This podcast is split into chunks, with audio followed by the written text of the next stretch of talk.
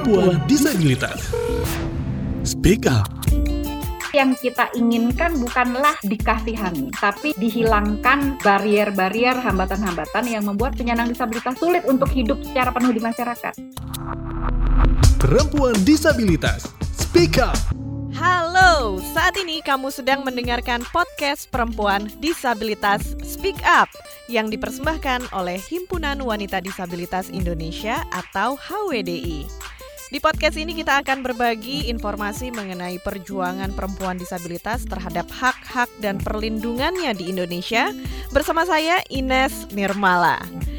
Indonesia sudah meratifikasi Convention of the Right of Persons with Disabilities atau CRPD pada tahun 2011 dan mengesahkan Undang-Undang Nomor 8 Tahun 2016 tentang penyandang disabilitas.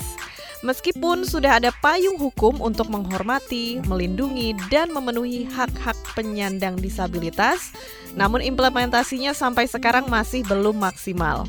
Hal yang utama dalam konvensi tentang hak bagi penyandang disabilitas adalah adanya perubahan cara pandang masyarakat terhadap penyandang disabilitas. Seperti apa perubahan cara pandang yang dimaksud dan bagaimana HWDI atau Himpunan Wanita Disabilitas Indonesia mendorong perubahan paradigma ini?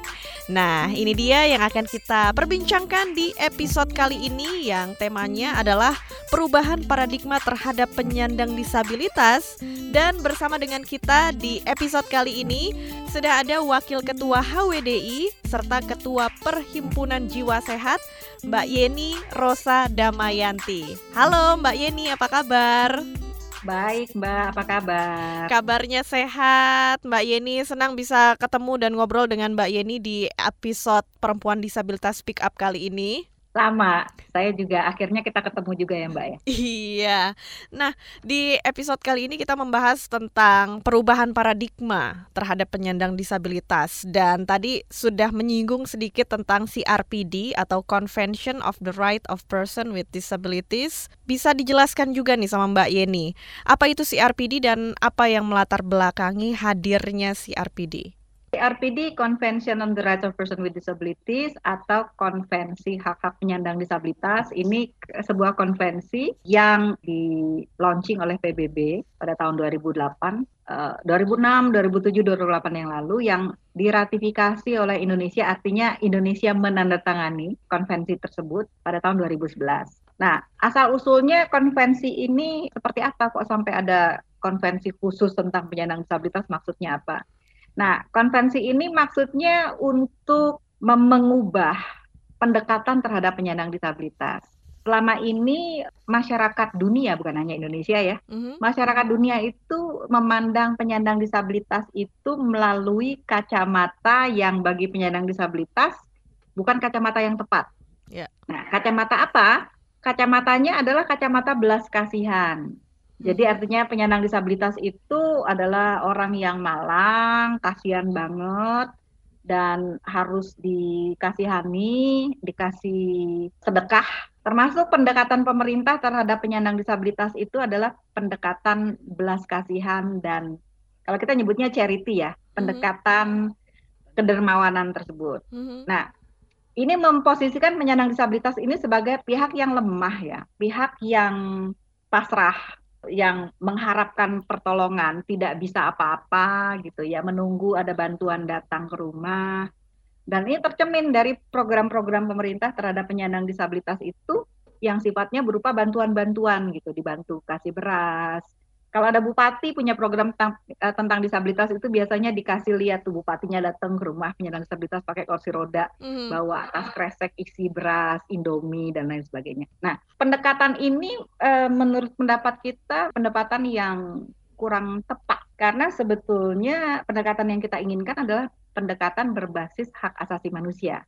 Dalam arti kata penyandang disabilitas itu sama saja seperti orang-orang lain warga negara yang mem memiliki hambatan-hambatan uh, yang disebabkan oleh uh, berbagai barrier atau hambatan yang ada di lingkungan mm-hmm. dan berbagai sikap diskriminasi di masyarakat.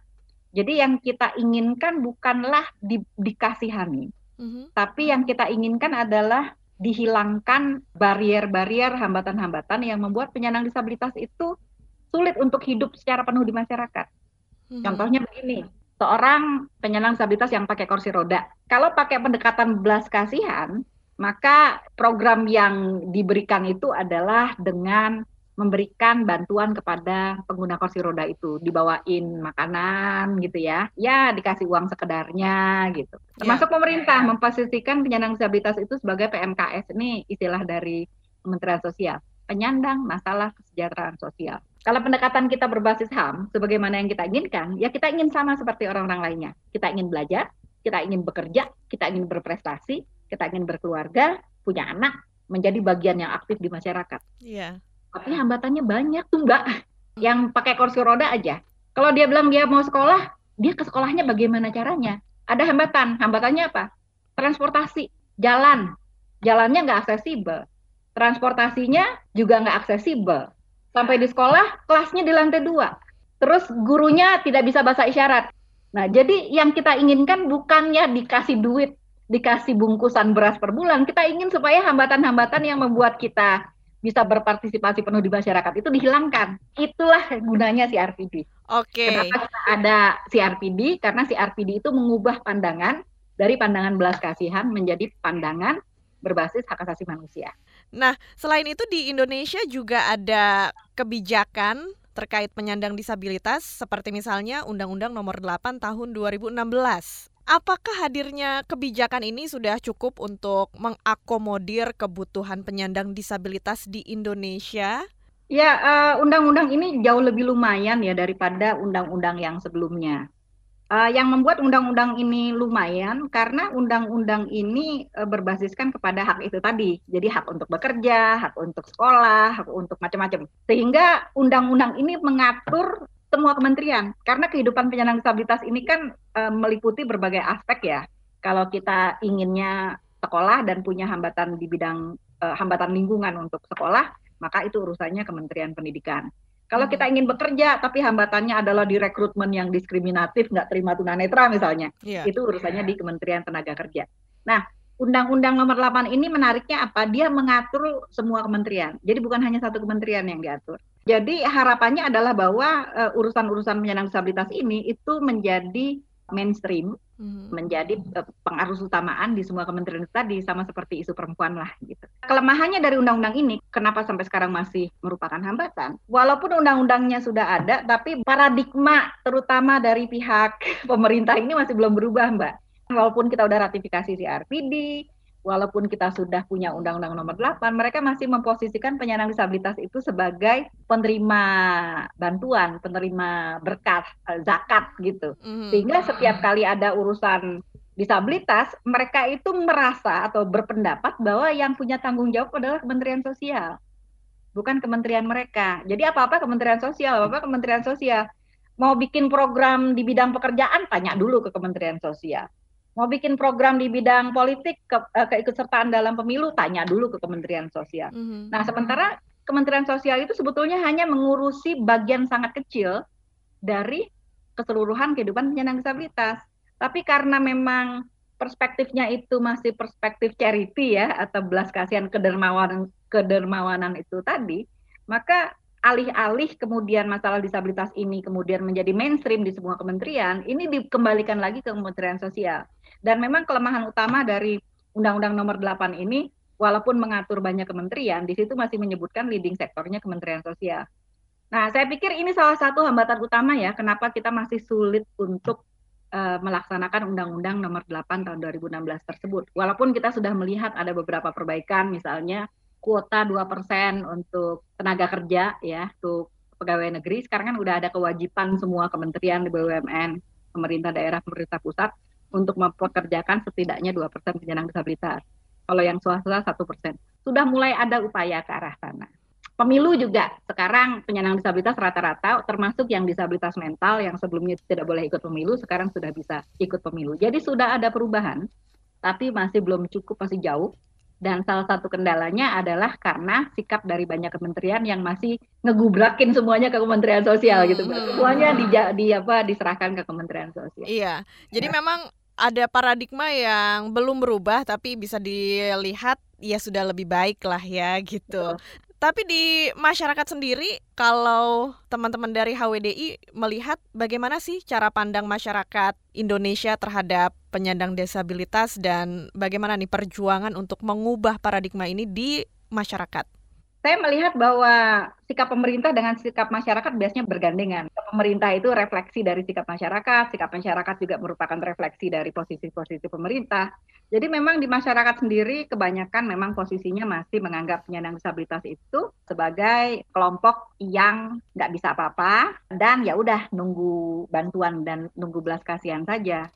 Ya iya. udah, jadi akhirnya program-program masyarakat bagi penyandang disabilitas pun yang saya lihat sekarang ini masih memang bentuknya adalah bentuk-bentuk bantuan-bantuan gitu. Walaupun bantuannya kadang-kadang bagus ya, bantuan kursi roda gitu. Tapi kan kursi rodanya yang diberikan itu adalah kursi roda rumah sakit ya, yang nggak bisa didorong sendiri oleh oh, oleh penggunanya. Gitu.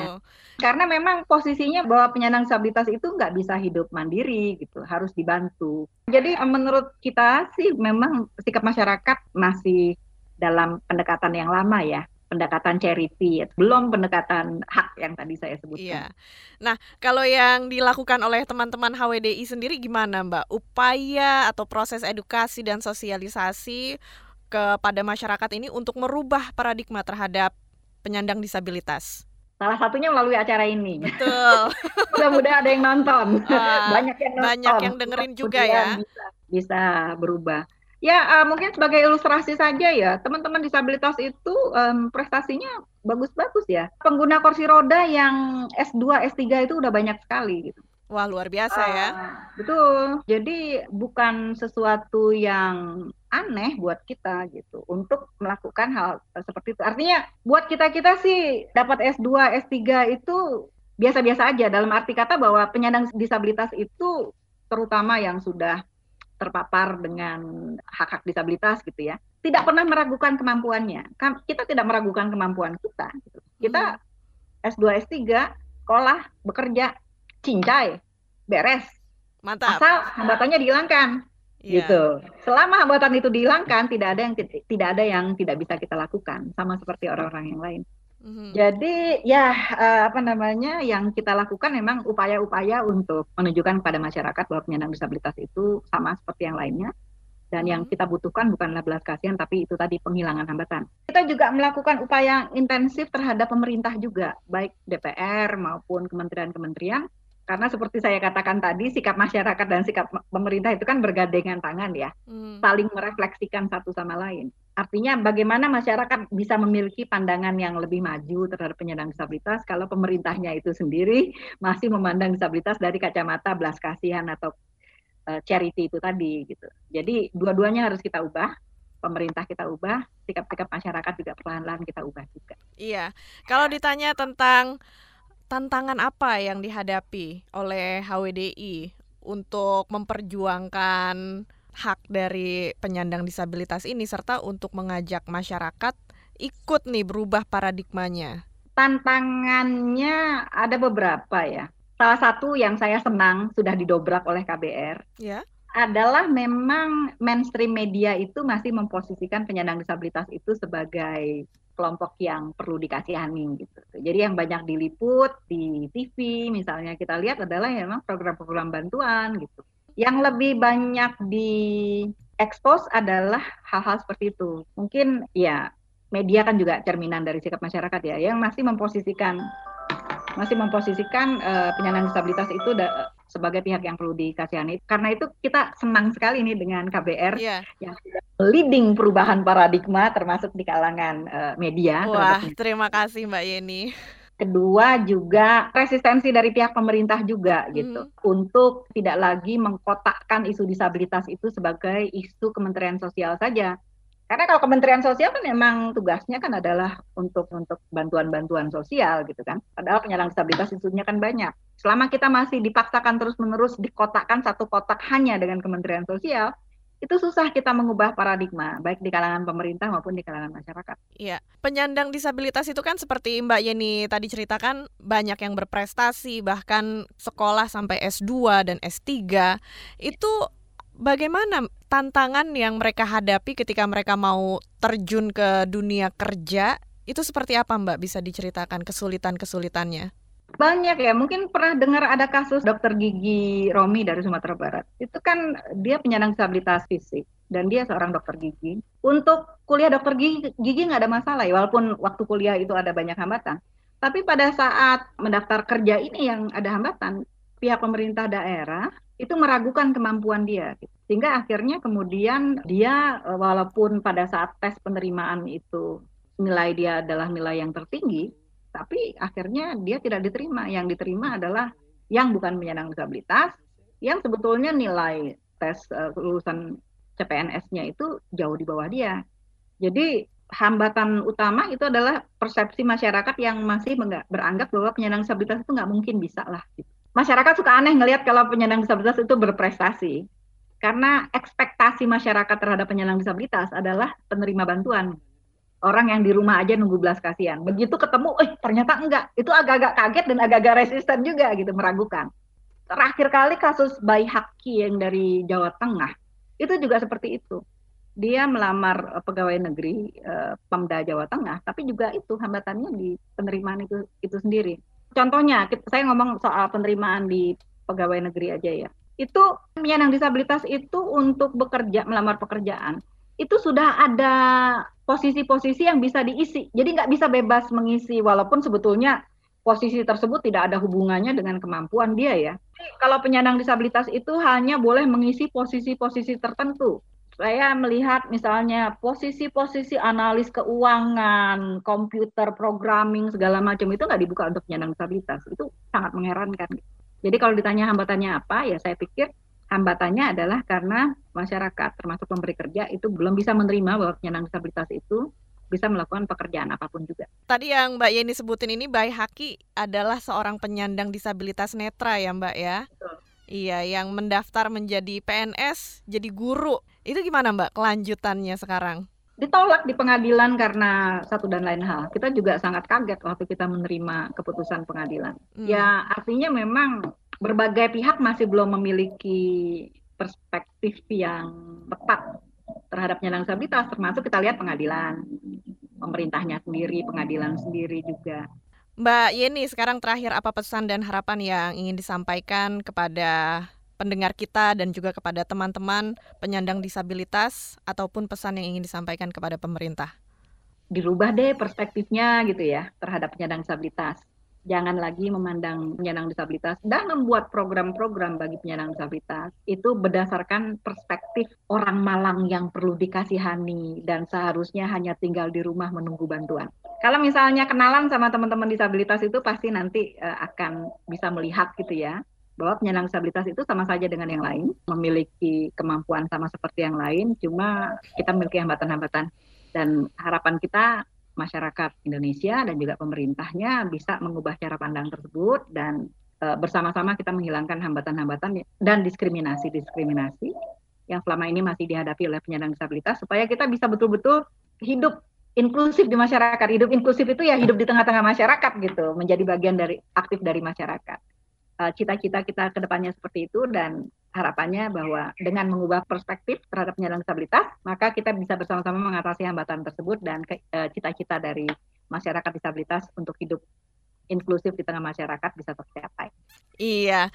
Yang penting dan perlu kita ingat adalah untuk tidak melihat penyandang disabilitas ini dengan kacamata belas kasihan yang harus Betul. dikasihani, tapi iya. adalah teman-teman yang harus diberi ruang supaya bisa hidup sepenuhnya di masyarakat. Betul. Dan dihilangkan hambatan-hambatannya. Betul, itu dia. Iya. Sebelum kita tutup episode keempat podcast perempuan disabilitas Speak Up, sekarang kita dengarkan dulu pesan yang disampaikan oleh Ketua Umum Himpunan Wanita Disabilitas Indonesia yaitu Ibu Maulani Rotin Sulu. Ini dia pesan terhadap perubahan paradigma terhadap penyandang disabilitas. Halo pemirsa podcast.